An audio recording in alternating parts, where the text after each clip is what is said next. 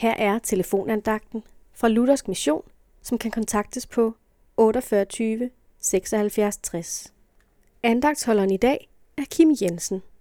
Vi skal i dag læse et enkelt vers fra vores Bibel, som jo er Guds eget ord, og det vers, vi skal læse, det står i Johannes evangeliet, kapitel 3, vers 17, hvor det står, For Gud sendte ikke sin søn til verden for at dømme verden, men for at verden skal frelses ved ham.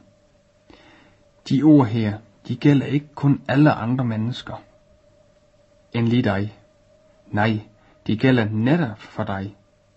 Gud sendte Jesus til verden, til jorden, for at du skal frelses ved ham. Er det ikke fantastisk, at selvom du var det eneste menneske på jorden, så var Jesus alligevel kommet til jord for at frelse netop dig. Du er noget ganske særligt for Jesus.